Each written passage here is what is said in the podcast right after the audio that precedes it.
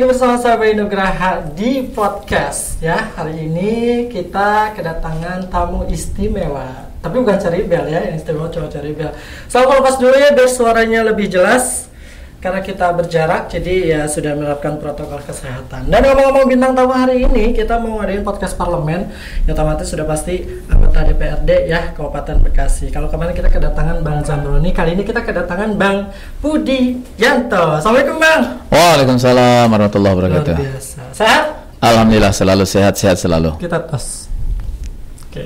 Pengen gini sebenarnya tapi Yaudah ya, COVID masih berlangsung. Dan sahabat podcast kita hari ini tuh eh, nggak uh, akan ngomongin soal COVID. Bosan ya ngomongin COVID mulu.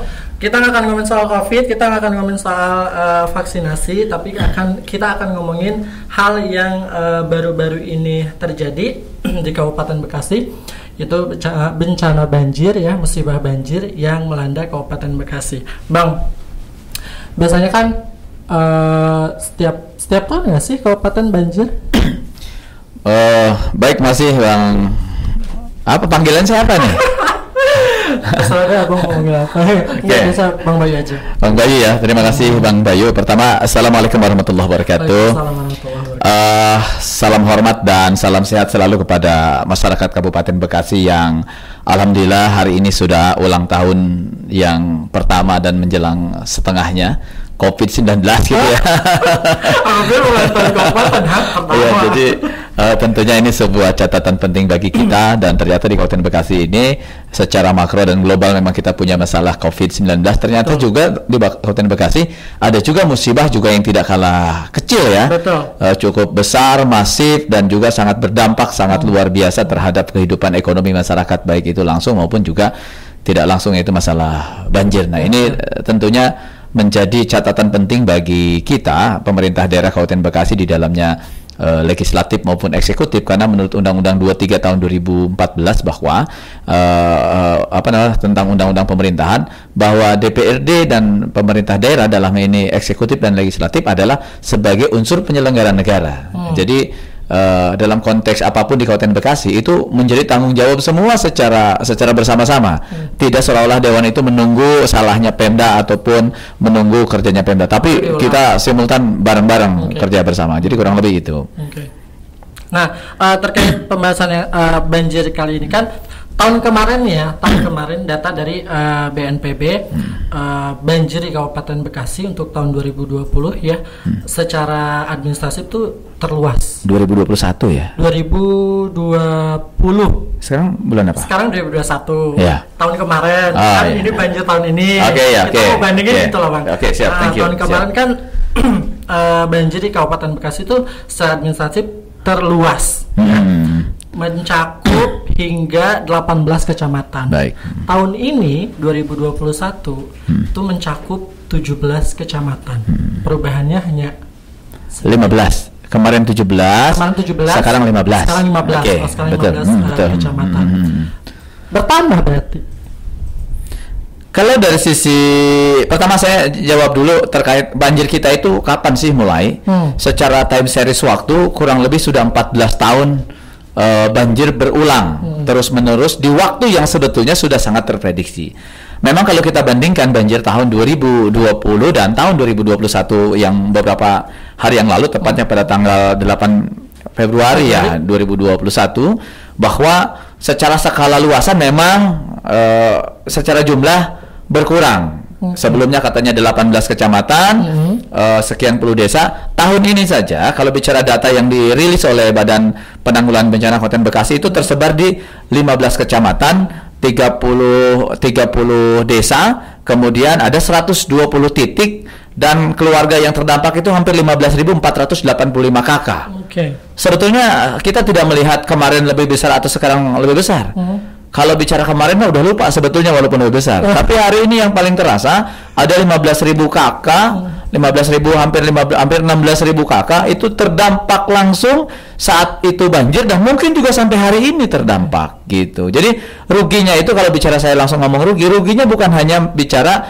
uh, material saat itu, hmm. termasuk material sampai saat ini dan juga non material, psikologis juga sangat luar biasa. Hmm dampak ini juga yang sangat uh, terasa oleh kita baik itu yang terkena dampak maupun sebetulnya kita di DPRD juga mengalami dampak psikologis. Kok kita kayaknya bodoh amat? Banjir sudah 14 tahun tapi kok kita nih Bekasi yang punya kemampuan keuangan terbesar ketiga di Jawa Barat tapi kok kayak tidak berdaya menghadapi banjir? Oke. ini itu catatan pentingnya uh, uh, Mas Agung ya gitu Nah, ngambil kutipan dari abang nih kan eh, banjir di Kabupaten Bekasi sini kan udah berlangsung selama 14 tahun. Ya. Nah, tadi abang bilang eh, banjir tahun kemarin mungkin sudah kita lupakan dan terjadi lagi banjir tahun ini. Kenapa banjir tahun kemarin harus dilupakan? Kenapa nggak diingat-ingat untuk antisipasi di banjir-banjir berikutnya? Betul. Baik, jadi mengapa saya katakan dilupakan? Kadangkala kita ini sifatnya euforia sejenak. Hmm. Semuanya, semuanya baik korban maupun kami ataupun kita sebagai penyelenggara da- sebagai penyelenggara negara di Kabupaten Bekasi. Sebagai saya sebagai legislatif maupun juga eksekutif. Kenapa saya katakan itu terlupakan? Hari ini pun kita masih sibuk ngomongin banjir karena masih beberapa hari yang lalu. Iya. Bulan depan belum tentu lagi jadi bahan pembicaraan. Nah, kenapa kemudian bahasa saya dilupakan? Karena faktanya ketika terjadi banjir itu kan masalah. Hmm. Dan perlu saya catat bahwa yang namanya banjir di Kabupaten Bekasi bukan hanya masalah biasa, tetapi masalah sistemik. Kenapa masalah sistemik? Ini berlangsung berulang-ulang. Setiap- Sudah lama, hampir tercatat sudah 14 tahun, Oke. skalanya besar dan berdampak juga sangat besar. Tadi berdampak besar itu dari sisi cakupannya 15 kecamatan, hampir 35 desa, 120 titik, 15.485 keluarga. Belum bicara jiwa. Hmm. Termasuk beberapa saudara kita juga meninggal akibat banjir. Nah, tetapi faktanya di dalam akumulasi perencanaan APBD Kabupaten Bekasi tidak terlihat gitu kan? Aktualisasi advokasi ataupun proteksi pemerintah daerah terhadap banjir saat itu dan saat yang akan datang. Oke. Terpotretnya di mana? Terpotretnya di dalam rencana anggaran pembelanjaan daerah atau APBD Kabupaten Bekasi. Hmm. Tidak ada. Tidak ada. Hmm. Clear. Oke. Tidak ada. Kalau abang bilang sistemnya, Hmm. sistem yang seperti apa yang menurut abang salah nih? Sebagai penyelenggara negara, dalam hal ini adalah Pemda Kabupaten Bekasi. Mohon maaf, ini autokritik barangkali termasuk kepada saya. Sebetulnya, permasalahan-permasalahan di Kabupaten Bekasi itu sangat malu kalau ini berulang. Karena sebagai eh, pemerintah ada dua pendekatan ketika bicara masalah. Satu yang disebut tahapannya preventif, Hmm. yang kedua bicaranya kuratif. Kalau gitu kalau saya pakai istilah-istilah kesehatan ini ya, Ya, ya. gitu. Satu mencegah, yang kedua menyelesaikan atau mengobati. Hmm. Gitu. Nah, khusus banjir ini, ini kan bicaranya bicara bukan mencegah. Bicaranya bicara mengobati, menyelesaikan. Untuk menyelesaikan sebuah masalah, dan saya katakan tadi, banjir ini adalah masalah sistemik, maka langkah strategisnya adalah harus langkah dan strategis juga sistemik. Oke. Artinya apa kalau langkah sistemik? Langkah sistemik adalah langkah-langkah yang harus berskala besar, membutuhkan biaya besar, cakupan wilayah penyelesaiannya juga besar, supaya dampak penyelesaiannya juga besar. Hari ini Kabupaten Bekasi jangankan bicara solusi sistemik, Oke. solusi sporadik saja belum bisa. Bukan masalah belum bisa, belum dan tidak dilakukan. Banjir 14 tahun, sudah 14 kali kurang lebih, belum di tengah tahun kadang ada banjir parsial gitu kan. Iya. Itu sangat banyak sekali, tetapi tidak ada langkah-langkah kecuali hanya nyiapin mie apa? Hanya Instan. hanya mie instan. Lah itu kan nggak mesti negara juga itu mah ketua RT, ketua RW di tingkat RW juga bisa. Iya. Nah, harusnya yang dilakukan pemerintah daerah bukan lagi hanya pendekatan sporadik, tetapi harus pakai pendekatan-pendekatan sistemik. Pendekatan sporadik dan jangka pendek, boleh saya katakan salah satu solusi yang pernah saya lakukan sebagai sebuah program preventive action adalah mengusulkan penyediaan perahu karet clear tahun 2020 untuk diadakan 2021. Sudah disampaikan. Tapi pada saat komunikasi dan itu masuk di dalam SIPD-nya atau SIPDA dulu ya, Sistem Informasi Penganggaran Pemerintah Daerah ataupun sistem informasi pemerintahan daerah di, dal- di dalamnya adalah ada tata cara dan mekanisme penyusunan anggaran. Saya masukkan di situ, tetapi begitu komunikasi dengan pihak Bapeda secara kelembagaan, Pak, pengadaan perahu karet ini tidak bisa karena ini har- mekanismenya harus hibah, harus diserahkan ke desa, ke RT, ke RW. Itu tidak bisa karena itu masyarakat. Kemudian nanti kalau rusak bagaimana? Jadi selalu ketika kita bicara preventif itu yang dilihat segala sesuatu yang sulit. Oke. Bukan segala sesuatu yang bagian dari proses menyelesaikan.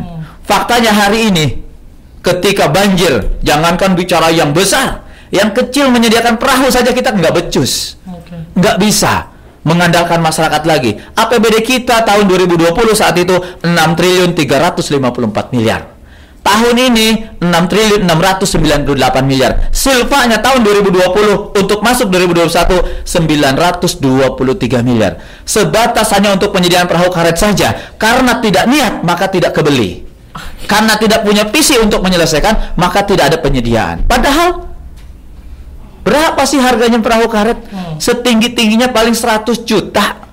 100 juta itu pun mungkin perahu tempel yang istilahnya ada motornya. Kalau hanya perahu biasa paling kalau lihat kita di Google, di Lazada ataupun di sejenisnya paling juga 25 sampai 30 juta.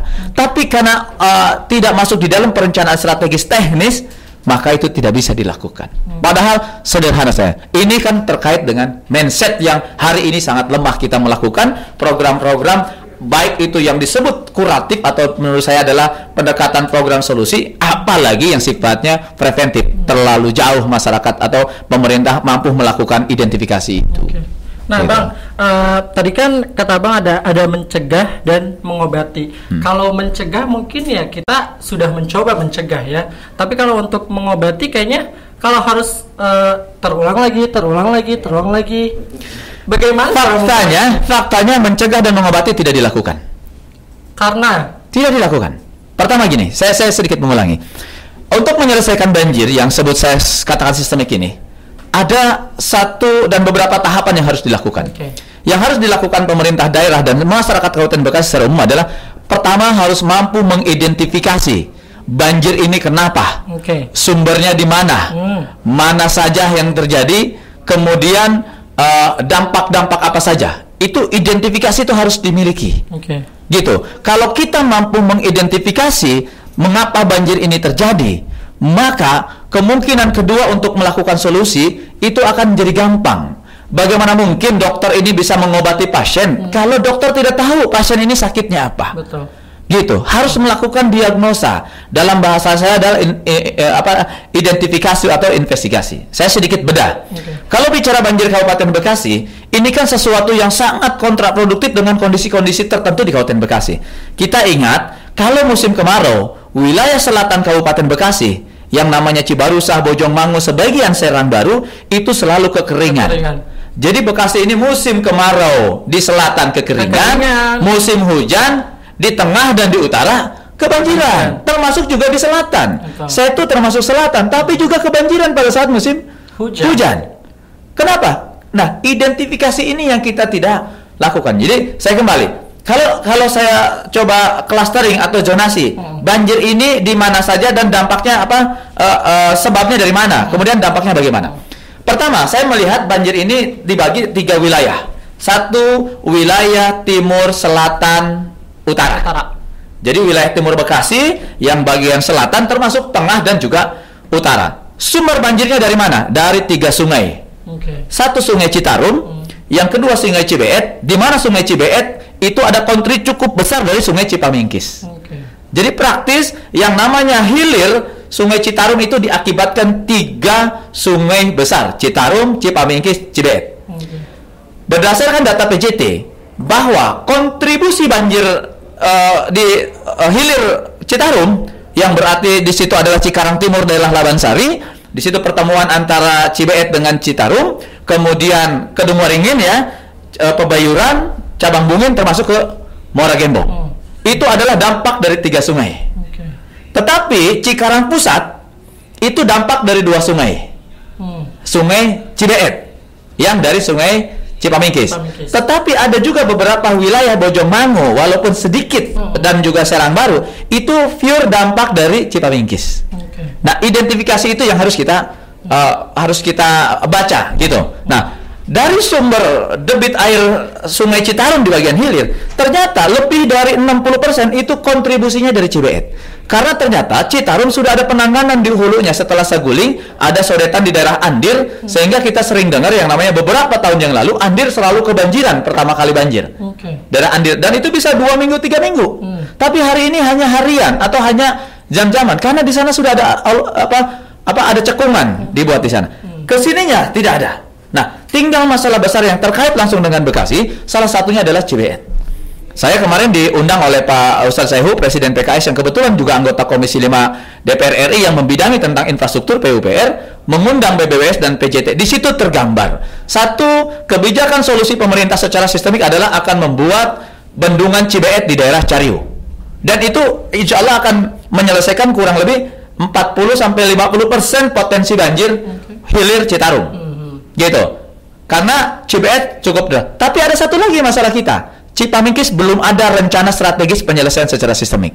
Makanya saya mengusulkan kepada pemerintah Kabupaten Bekasi, kemarin saya coba diskusi dengan Badan Litbang dan juga komunikasi dengan beberapa pihak, pemerintah daerah Kabupaten Bekasi bersama kawasan industri di Tamas harus ambil langkah. Salah satunya adalah membuat kebijakan lokal yang dikomunikasikan dengan pemerintah wilayah, provinsi dan juga kelembagaan lainnya untuk melakukan kajian membuat bendungan di sekitar Cipamingkis, Oke. wilayah Cibarusa, Serang Baru dan juga Bojongmangu. Itu penting. Karena uh, Sungai, Sungai Cipamingkis akan memberikan potensi dampak banjir kepada kawasan industri Delta Mas. Betul. gitu. Dan terprediksi kalau saja eh, sungai apa namanya bendungan Cibeet ini 2024 maka kita persiapkan saja. 2022 2023 kita akan mengalami banjir. Dengan kondisi itu kita belum bisa menyelesaikan permasalahan secara sistemik strategis besar tetapi pendekatan-pendekatan yang eh, solusi jangka pendek itu juga harus disiapkan karena udah pasti banjir lagi Hmm. karena bendungan belum ada Betul. Kayak gitu. Dan saya tidak melihat di dalam potret APBD kita bahwa ada penanganan cukup serius terkait terkait banjir. Oke. Kayak gitu. Jadi jadi itu masalah. Yang kedua saya bergeser ke tengah. Hmm. Di tengah itu banjir diakibatkan kurang lebih dua sungai. Satu Cipegadungan, yang kedua Cilebang Abang yang muara perjalanannya adalah melewati kawasan industri Jababeka. Hmm. Makanya kemarin eh, beberapa kawasan industri se- beberapa pabrik di kawasan industri Jababeka terdampak banjir yang sangat signifikan. Daerah Matel, DMC, Cikarang Baru kan yang di situ merupakan CVD-nya eh, Jababeka Jababeka. terendam. Kan ironis sekali. Geser ke sebelah barat, yaitu ada Sungai Sadang, ada kali ada kali Cikarang, eh, kali Sadang, dan kali Bekasi. Dan itu yang mengakibatkan banjir ke wilayah utara, kali Ciherang, Hmm. gitu kan. Ke- Kemudian juga daerah Babelan. Babelan. Nah, ini yang harus kita identifikasi. Kalau sudah identifikasi, sejauh mana langkah kita untuk bisa melakukan. Dan satu hal, karena saya pahami masalah sungai ini adalah kebijakan banyak kebijakan provinsi dan pusat, Betul. khususnya di BBWS baik itu Citarum maupun Cilicis gitu kan. Makanya saya mengusulkan pada saat pertemuan dengan eh, BBWS PJT dengan DPR RI bahwa satu langkah preventif yang harus preventif dan kuraktif yang harus dilakukan pemerintah pusat adalah melakukan diskresi regulasi. Diskresi. Diskresi regulasi. Kenapa? Karena ada beberapa titik wilayah contoh jebol tanggul. Pemerintah daerah walaupun punya alokasi anggaran, eh, punya anggaran banyak, tetapi secara regulasinya tidak boleh kita menyelesaikan kewajiban-kewajiban yang secara struktur administratif itu adalah kewajiban pusat. Menurut saya, untuk percepatan penyelesaian harus ada diskresi regulasi terkait dengan batasan-batasan kewenangan agar siapa pun yang siap dan semuanya harus siap turun tangan bersama-sama untuk menyelesaikan permasalahan-permasalahan sistemik tadi secara terintegrasi. Oke. Gitu. Itu itu itu adalah gambaran saya. Nah. Gitu, Mas Agung. Bang, kalau eh, kan tadi eh, memang sebagian besar wilayah Kabupaten Bekasi itu dari eh, aliran sungai ya, Bang. Betul. Jadi eh, tidak menutup kemungkinan memang banjir di Kabupaten Bekasi salah satu disebabkannya eh, melalui aliran sungai. Betul. Tapi di BPBD eh, Kabupaten Bekasi sendiri saya lihat infografisnya eh, salah satunya karena pembangunan. Hmm. Menurut Abang, apakah eh, segi pembangunan itu sendiri menjadi salah satu dampak? Eh, saya men- menganalisa bahwa banjir ini tidak bicara di tengah. Sangat tergantung juga di hilir dan juga di hulu. Oke. Di Kabupaten Bekasi dengan 14 tahun terjadi banjir, hulu, tengah, dan hilir nggak ada yang diurus. Oke. Nggak ada yang diurus. Hulunya memang itu lebih banyak kebijakan pemerintah pusat. Hmm. Dari sisi kewenangan bicara sungai, dari sisi titik lokasinya juga bukan di Kabupaten Bekasi. Oke. Hulu Sungai Cibeet itu banyaknya di Karawang dan Bogor. Hulu Sungai Cipamingkis itu Cianjur dan Bogor. Itu kita tidak bisa akses. Tetapi bicara di tengah, kebijakan kita yang mentoleransi sebuah kesalahan kecil yang kemudian berulang terus menerus dan didiamkan itu yang akhirnya sekarang menjadi masalah besar. Apa yang terjadi? Bagaimana tanggul-tanggul sungai-sungai kecil ataupun besar hari ini sudah beralih fungsi yang tadinya dia tanggul penahan baik itu penahan air maupun juga penahan yang lainnya tetapi hari ini menjadi tempat permukiman liar. Oke. Dengan tidak mengurangi si rasa hormat kepada masyarakat Bekasi yang dengan segala kekurangannya akhirnya tinggal di tanggul, tetapi secara prinsip ekosistem ekologi itu adalah bermasalah dan itu salah, salah satu uh, apa penyebab akibat banjir. Karena bukan hanya terjadi pendangkalan oleh akibat sedimentasi, tapi ada proses ada ada proses aktivitas manusia yang semestinya tidak dilakukan di sana. Kayak gitu. Yang ketiga juga di hulu. Mohon maaf di hilir. Di hilirnya juga tidak pernah melakukan ya pemeliharaan-pemeliharaan baik dari pendekatan ekosistem maupun infrastruktur kan gitu. Tidak pernah juga dinormalisasi gitu. Walaupun kembali ini salah satu yang jadi masalahnya adalah masalah kewenangan. Kewenangan ini yang kami masih ber, uh, kita pemerintah daerah masih bisa mengelak bahasanya. Waduh masalah sungai ini bukan kewenangannya kabupaten. Kita kalau nggak salah ada 13 sungai yang melewati Kabupaten Bekasi dan itu menjadi salah satu sumber kebaikan harusnya. Tetapi hari ini di balik sumber kebaikan di waktu-waktu tertentu memberikan sumber ketidakbaikan yang sangat berskala besar. Hmm. Ini yang menjadi concern kita hari ini kan begitu, Mas Agung. Hmm. Banjir 14 tahun nih, Bang. Hmm. Pasti pasca banjir ada kerugian dong Siap. yang dialamin sama uh, pemerintah daerah. Nah, untuk kerugiannya itu sendiri seberapa besar sih? nah, ini ini sangat penting. Identifikasi permasalahan ini termasuk juga dampak. Dampak psikologis dan juga dampak ekonomis. Hmm. Oke, okay, psikologis ini tidak terukur. Walaupun banjir sudah selesai, hari ini mungkin orang yang rumahnya seumur-umur tidak pernah kebanjiran seperti hmm. daerah Cabang Bungin, hmm. kemudian sebagian Pebayuran ya, itu kan benar-benar habis kasarnya. Yeah. Sudah sawah yang ribuan hektar, terdata di sini ada 4.440 hektar. Hmm ter, sawah yang itu terdampak menjadi lautan.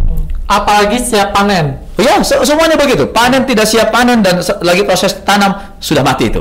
Okay. Kalau 4000 kali 10 kali 10 ton berapa juta potensi uh, bahan pangan kita nih hilang akibat banjir. Itu belum dihitung. Hmm. Kalau menurut data yang dikeluarkan oleh BPBD bahwa kerugian ini hanya 245 miliar. Saya bukan tidak percaya, tapi saya menganggap data ini belum lengkap. Kenapa, Bang? Gitu. Karena uh, identifikasinya uh, menurut saya tidak sesederhana ini. Oke. Okay. Ini menurut BPBD, kemarin saya ketemu BPBD dan saya mengatakan kemungkinan besar ini jauh lebih besar dari ini. Lebih besar gitu, dari lebih besar dari ini. Dan ketika saya konfirmasi bahwa ini bicaranya di luar kawasan industri. Berdasarkan uh, informasi yang saya terima dari hmm. salah satu stafnya Jababeka okay. bahwa Jababeka mengidentifikasi kerugian di sekitaran Jababeka khususnya industri hampir 300 miliar. Itu baru di Jababeka. Baru Jababeka. Okay. Terkait industri. Karena memang industri yang sangat terkena dampak langsung banjir adalah Jababeka. Jababeka. Kalau saja data ini kita anggap benar, hmm. Jababeka 300 miliar, kemudian Kabupaten Bekasi secara umum 245 miliar atau hampir 250 miliar, hmm. berarti kerugian Kabupaten Bekasi akibat banjir hari ini 550 miliar. Okay. Memang harus dilakukan identifikasi sampai kepada dampak dan kerugian. Hmm. Kenapa? Kalau kita mampu mengidentifikasi dari sisi luasan kemudian dampak dan juga kerugian ekonomi, kalau datanya benar, maka kita akan membuat kebijakan yang benar. Tapi kalau kita tidak pernah punya data, hmm. maka kita tidak akan pernah bisa membuat kebijakan. Okay. Atau ketika kita punya akan membuat kebijakan, datanya tidak benar, maka kebijakannya akan salah. Makanya penting sekali identifikasi masalah dari sisi kerugian ini harus clear Berapa kerugiannya? Sekarang terdata bahwa 300 550 miliar. Jangan-jangan satu triliun. Nah, kalau kita punya data oh 550 miliar kerugian tahun ini. Berarti ketika pemerintah daerah akan ambil langkah secara sistemik, keluarlah 200 300 miliar. Itu jadi kecil. Itu pentingnya. Hmm. Karena tiap tahun masyarakat Bekasi dimiskinkan oleh banjir. Ya. Ini tidak boleh terjadi lagi. Kalau bahasa hiperbolik saya, zolim pemerintah daerah kalau ini dibiarkan. Oh. Ini hiperbolik saya. Okay, okay, Dan termasuk kami, kelembagaan DPRD. Hmm, hmm, hmm. Karena bicara penyusunan anggaran bukan kewenangan Bupati toh, tapi termasuk juga kami di DPRD. Jangan sampai kami melakukan kesalahan secara sistematis dan terstruktur. Ini yang tidak boleh terjadi. Gitu. Nih, eh, Bang, aku pernah ingat banget waktu kita ketemu terakhir kali di eh, acara ulang tahunnya HUT Kabupaten Bekasi, Abang pernah ngomong gini, Kabupaten Bekasi itu adalah cover zone-nya eh, ibu kota Ya. Jakarta ya, yang harus dilakukan eh, oleh Kabupaten Bekasi yaitu percepatan pembangunan dengan memperkuat konsep dasar pembangunan.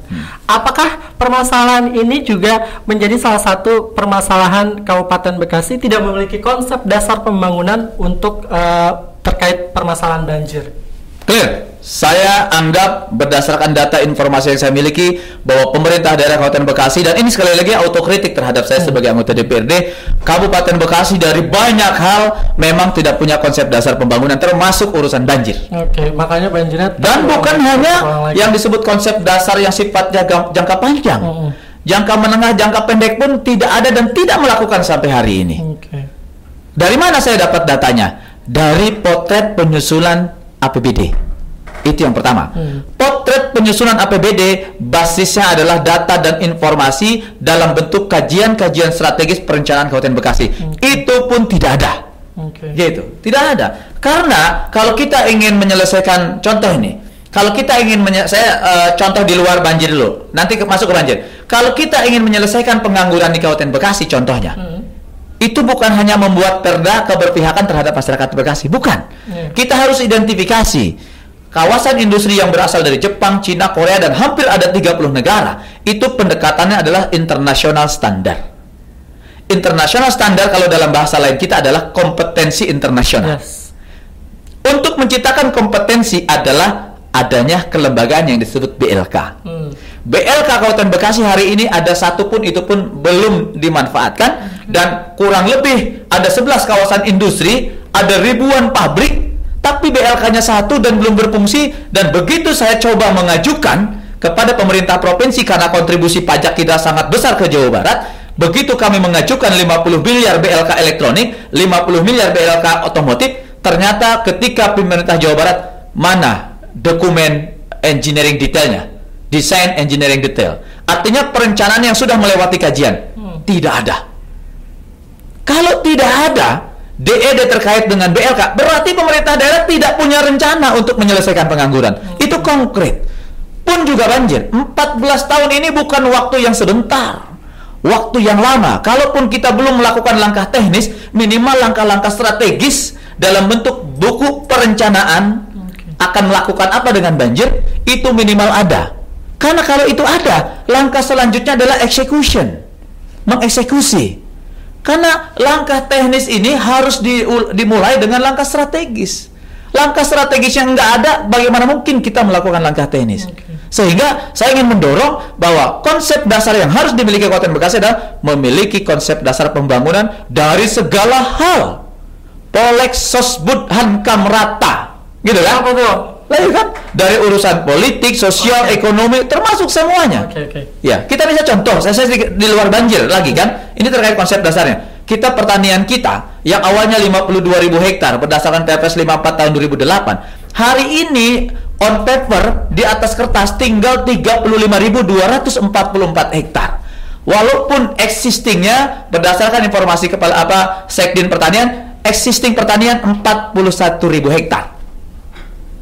Tapi tidak kebijakan ke depannya tinggal 35.000 hektar karena sudah dikonversi di atas kertas lahan pertanian sudah jadi perumahan, lahan pertanian jadi industri. Walaupun ini belum terjadi secara teknis, tetapi secara strategis sudah terjadi karena sudah masuk kebijakan, harusnya penye- ketika terjadi lonjakan penduduk Kabupaten Bekasi sekarang 3.899.000 ribu hampir 4 juta mungkin beberapa bulan ke depan sementara bahan pangan kita beberapa waktu tahun ke depan tereduksi dari 52.000 tinggal 35.000 hektar kebutuhan pangan banyak tapi ketersediaan pangan lahan pangan sedikit Oke. kalau tidak diikuti juga dengan kebijakan strategis ketika terjadi pengurangan akan ada satu waktu Bekasi akan kelaparan itu udah pasti Oke. hanya sama halnya hari ini banjir. Oh. akan ada satu waktu karena tidak pernah diurus ada kebijakan strategis hari ini sudah 15 kecamatan tenggelam bukan tidak mungkin tahun depan karena tidak ada langkah hanya menunggu saja tahun ini 15 kecamatan tenggelam mungkin tahun depan 20 kecamatan tenggelam terus kita hanya mau nyiapkan mie instan Oke. Kan ini yang jadi masalah. Makanya kembali konsep dasar untuk menyiapkan Kabupaten Bekasi lima tahun lagi harus jadi harus ada apa? Lima tahun harus ada apa? 10 tahun harus ada apa? Termasuk 100 tahun Bekasi ke depan harus ada. Itu harus ada on paper by design. Nah, Gitu. kalau menurut abang nih, eh, dalam jangka waktu dekat dulu aja nih ya, Yap. Dal- Mm. dalam jangka waktu dekat dulu aja nih, pemerintah tuh harus menyiapkan apa untuk tahun ke depannya biar eh, kejadian itu tidak terjadi lagi. Sistem yang paling cepat yang bisa dilakukan pemerintah dalam waktu dekat ini deh. Oke, eh, kalau bicara solusi pemerintah itu tidak terlepas dengan aktualisasi atau implementasi anggaran. Oke. Kalau saya melihat APBD Kabupaten Bekasi 2021 ini tidak ada yang terkait dengan penyelesaian banjir. Baik itu skala kecil, menengah, apalagi bicaranya besar. Karena yang paling kecil saja di dalam APBD Kabupaten Bekasi yang pernah saya komunikasikan pengadaan perahu karet tidak masuk dalam alokasi pembiayaan. Artinya pemerintah daerah tidak menganggap bahwa banjir adalah masalah. Kalau kita banjir anggap masalah, maka yang akan kita lakukan adalah bagaimana kita menyelesaikan masalah. Tidak ada koreksi dari data anggaran tersebut? Kita di DPRD termasuk saya dan kawan-kawan dewan yang lain, mohon maaf kalau sedikit agak-agak agak spesifik. Kami PKS kemarin ingin sudah mengajukan beberapa program eh, solusi jangka pendek yaitu penyediaan perahu karet. Tapi ternyata di identifikasi APBD kita turunannya tidak ada penyediaan perahu karet. Nah, sehingga pada saat kemarin melakukan sinkronisasi DPRD dengan para SKPD, saya hanya mengingatkan, banjir akhir tahun ini udah pasti terjadi atau awal tahun 2022. Pastikan di ABT penyediaan perahu karet. Sekarang ada 120 titik. 120 titik ini saya nggak tahu pendekatannya RT, RW, apa setengah RT, setengah RW, apa satu desa. Betul. Minimal kalau 120 titik, satu titik ada dua atau tiga perahu karet. Dua atau tiga berarti kalau kali dua saja 120 hanya 250 titik. Kalau kita satu satu harganya hanya 100 juta, kan hanya 25 miliar. Kecil sekali. Jangan dianggap waduh kegedean mahal. Tadi rugi akibat banjir 550 miliar. Karena kerugiannya lebih besar ya. Gitu, kerugian besar. Dan ini tidak menyelesaikan supaya kerugiannya tidak 550 miliar jadi tidak ada kerugian, bukan. Langkah kita hanya menyelamatkan orang. Pada saat terjadi banjir, kita mampu melakukan evakuasi. Hanya itu. Tidak untuk mengurangi eh, kerugian tidak sama sekali. Nah, adapun yang saya eh, miliki data yang eh, ada bantuan keuangan dari Provinsi Jawa Barat yang dikeluarkan Gubernur Jawa Barat pada tanggal 7 Januari 2021 eh, pemerintah daerah Kabupaten Bekasi itu dapat alokasi bantuan keuangan hanya 170 miliar 600 juta. Dan itu memang banyak untuk melakukan normalisasi beberapa kali. Tetapi itu di tengah. Itu di tengah. Hmm. Di daerah Tambun gitu kan. Kalau hulunya sumber airnya tetap banyak tidak dikendalikan, saluran airnya dibereskan, hanya mempercepat banjir aja di wilayah ujung. Betul. Kayak gitu. Yang tadinya mungkin di tengah tidak banjir, di daerah ujung lebih cepat. Ya. Ini mungkin ini solusi kecil, tetapi ini tidak terintegrasi dan tidak sistemik gitu kan? Karena yang harus dilakukan sebetulnya hulunya bagaimana, hil apa tengahnya bagaimana, hilirnya bagaimana. Karena fakta secara zonasi hari ini Kabupaten Bekasi di sebelah utara, tengah dan selat, mohon di sebelah selatan, tengah dan utara kebanjiran semua itu masalahnya. Setu GBP Ciledug itu wilayah selatan Kabupaten Bekasi. Iya. Tapi banjirnya sampai sebatas ini akibat kali sadang yang tidak dilakukan normalisasi. Burangkeng termasuk tinggi di daerah sana. Tetapi juga kebanjiran tinggi. Cikarang Selatan, BCM Cikarang BCM. Selatan sangat tinggi dibanding daerah kita nih. Betul. Tapi juga kebanjiran. Hmm. Kalau bicara lihat eh, daerah permukaan di atas laut itu kan tinggi. Tapi karena manajemen pengelolaan tata airnya tidak termanage, akhirnya air jadi ampar-amparan ke mana saja maunya kan, begitu. Ini kan karena kelalaian kita.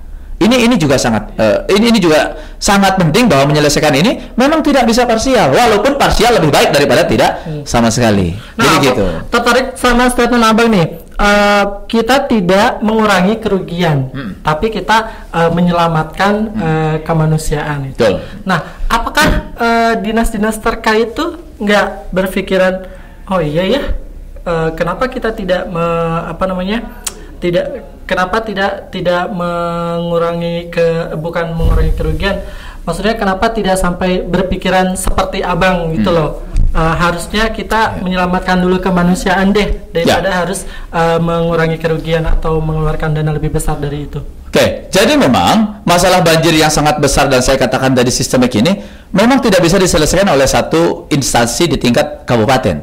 Termasuk tidak juga bisa diselesaikan di tingkat hanya kabupaten. Jadi, kebijakan-kebijakan terkait banjir ini pertama harus dilakukan oleh top manajemen. Bicara Kabupaten Bekasi harus bupati yang turun tangan dengan kebijakan komprehensifnya. Bicara Jawa Barat itu harus gubernur sendiri yang harus turun tangan dengan pemikiran strategis komprehensifnya juga terkait dengan penanganan banjir. Termasuk juga presiden yang mungkin eh, kaki apa namanya perpanjangan tangannya adalah Kementerian PUPR eh, termasuk di dalamnya adalah BBWS dan PJT 2 khusus di Kabupaten Bekasi. Nah, kebijakan-kebijakan secara makro di masing-masing daerah itulah yang harus dilakukan. Saya sedikit eh, bergeser dulu Kabupaten Bekasi. Bupati Bekasi bukan hanya saja harus memikirkan bicara tentang menyediakan mie instan lagi hari ini. Oke. Apabila perlu mie instan nggak usah pikirkan, walaupun juga ada ada ada dinasnya, dinas Ada sosial, dan ada alokasinya, gitu. Dan itu dibesarkan karena sudah terprediksi bahwa itu akan banjir.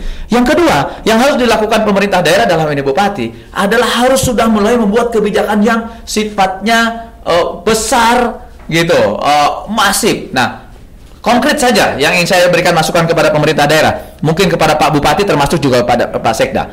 Yang harus dilakukan adalah di wilayah it- eh, bagian Bekasi Timur, wilayah utara dan selatan, pertama harus membuat bendungan di wilayah Cibarusa. Di situ ada Kali Cipamikis dan Kali Cihoe. Pertemuan apa 2 km, ambillah 300 400 hektar. Kita bersama pemerintah pusat, bersama pengembang kawasan industri dan juga dengan APBD kita dengan pendekatan harapannya adalah eh, keberpihakan regulasi yang terintegrasi dan diskresi regulasi tadi segera membuat langkah membuat kajian pembuatan bendungan dan harus segera membuat bendungan. Karena kalau ada bendungan di wilayah selatan, akan ada dua masalah besar yang diselesaikan. Satu, potensi kontribusi banjir ke utara berkurang. berkurang Yang kedua, penyediaan air di wilayah selatan akan banyak tercover ya tercover. Baik itu kepentingan masyarakat secara sporadik yang ada di situ maupun juga ketersediaan air PDAM bagi PDAM Tirta Begasasi. Oke. Itu penting gitu. Yang kedua, kita punya yang namanya tanah kas desa di sekitar Kedung Waringin, Cabang Bungin termasuk mungkin Muara Gembong. Setiap desa itu hampir 20 hektar. Saya tidak tahu ada berapa desa yang di sana. Katakanlah ada 50 desa dari 180 desa. Kalau 100 desa saja kali 18 hektar, berarti ada 1.800 hektar. Hari ini di daerah situ kena banjir 4.400-an 4.400 hektar. Mending kita coba alih fungsikan daripada toh juga setiap tahun TKD-TKD ini jadi jadi kolam juga kebanjiran. Coba alokasikan mungkin 400-500 hektar dengan kebijakan tertentu kita dijadikan waduk di sana. Agar ketika eh, solusi-solusi yang sifatnya juga sistemik eh, apa pembuatan bendungan tetap air ini kan tetap bakal ada. Hmm. yang kita kurangi hanya jumlahnya. Nah pada saat berlebih itu kita alirkan kita simpan di danau besar. Akan jadi tempat cadangan air juga dan juga menyelamatkan masyarakat Bisa daripada toh tempat juga TKD hari ini tidak produktif juga Hmm. tidak produktif secara aset tidak produktif secara kepemilikan Oke. saya di Komisi 1 tahu betul bahwa tanah kas desa ini on paper, hanya di atas kertas. Faktanya kepala desa aja nggak tahu sawahnya di mana, batasnya mana.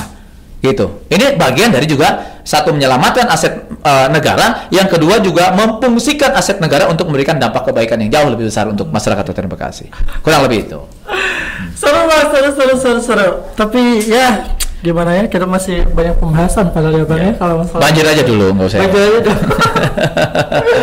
Sampai pada kita harus eh, pamit undur diri dulu nih bang. Nanti kita jadwalin lagi ya. Siap. Kapan kita ngobrol-ngobrol lagi di podcast parlemennya Eh, bisa sama abang atau nanti bisa undang. eh, Silakan yang lain juga. yang Ada lain. 50 anggota DPRD Kabupaten Bekasi. yang mampu Tapi saya siap juga yang lain juga boleh. Gitu. Abang terima kasih banyak Siap. atas waktunya. Sehat-sehat terus. Insyaallah, ya. insyaallah. Sampaikan itu ke Pak Bupati. Hmm. Hmm, Mudah-mudahan bisa terrealisasi ya bang ya. Ya, mudah-mudahan justru dengan dengan diskusi ini satu hal yang ingin saya sampaikan ini ada awareness, ada informasi kepada Betul. publik Hmm. bahwa banjir ini bukan hanya urusan dan tanggung jawabnya pemerintah daerah, Betul. tetapi juga seluruh masyarakat Kabupaten Bekasi. Yes. Dari pendekatan mana? Bahwa banjir ini kan bukan hanya akibat masalah besar, Hmm. tapi juga akibat masalah kecil yang didiamkan terus-menerus dan akhirnya berdampak besar. Betul. Membuang sampah sembarangan, menutup saluran air, Betul. itu kan juga bagian dari kontribusi kesalahan masyarakat secara umum, secara kolektif, kolegial dan terus-menerus. Ini yang Masalah barangkali tidak boleh. ini. Ya, ini masalah bersama justru dengan informasi ini yang kita bahas dan di barangkali mohon maaf mudah-mudahan juga menjadi informasi didengar dan juga menjadi sama-sama melakukan pemikiran bagaimana menyelesaikan banjir. Yuk mari sama-sama kita selesaikan masalah banjir ini sesuai dengan kapasitas dan eh, kewenangan kita masing-masing di lingkungan kita masing-masing. Ketua RT beresin tentang saluran air dan segala sesuatunya di tingkat RT. Hmm. Ketua RW koordinasikan semua RT agar memberes- membereskan juga saluran air agar juga berdampak baik terhadap camat, kepala desa, camat termasuk juga kami di Kabupaten Bekasi. Kurang lebih itu, Betul. Mas Agung. Terima kasih bang, sehat-sehat buat semuanya. Salam buat anggota DPRD eh, Kabupaten Bekasi yang lainnya ya. Nanti kita kembali. Insya So, Allah. Sahabat Ibu Mukti dan sahabat podcast, eh, nanti kita akan ngobrol lagi dengan narasumber-narasumber keren lainnya ya. Hari ini seru banget nih pe- pembahasan soal banjir padahal masih banyak yang pengen dibahas tapi apa daya nanti ada part 2 nya ya jangan ke mana-mana tetap di podcast parlemen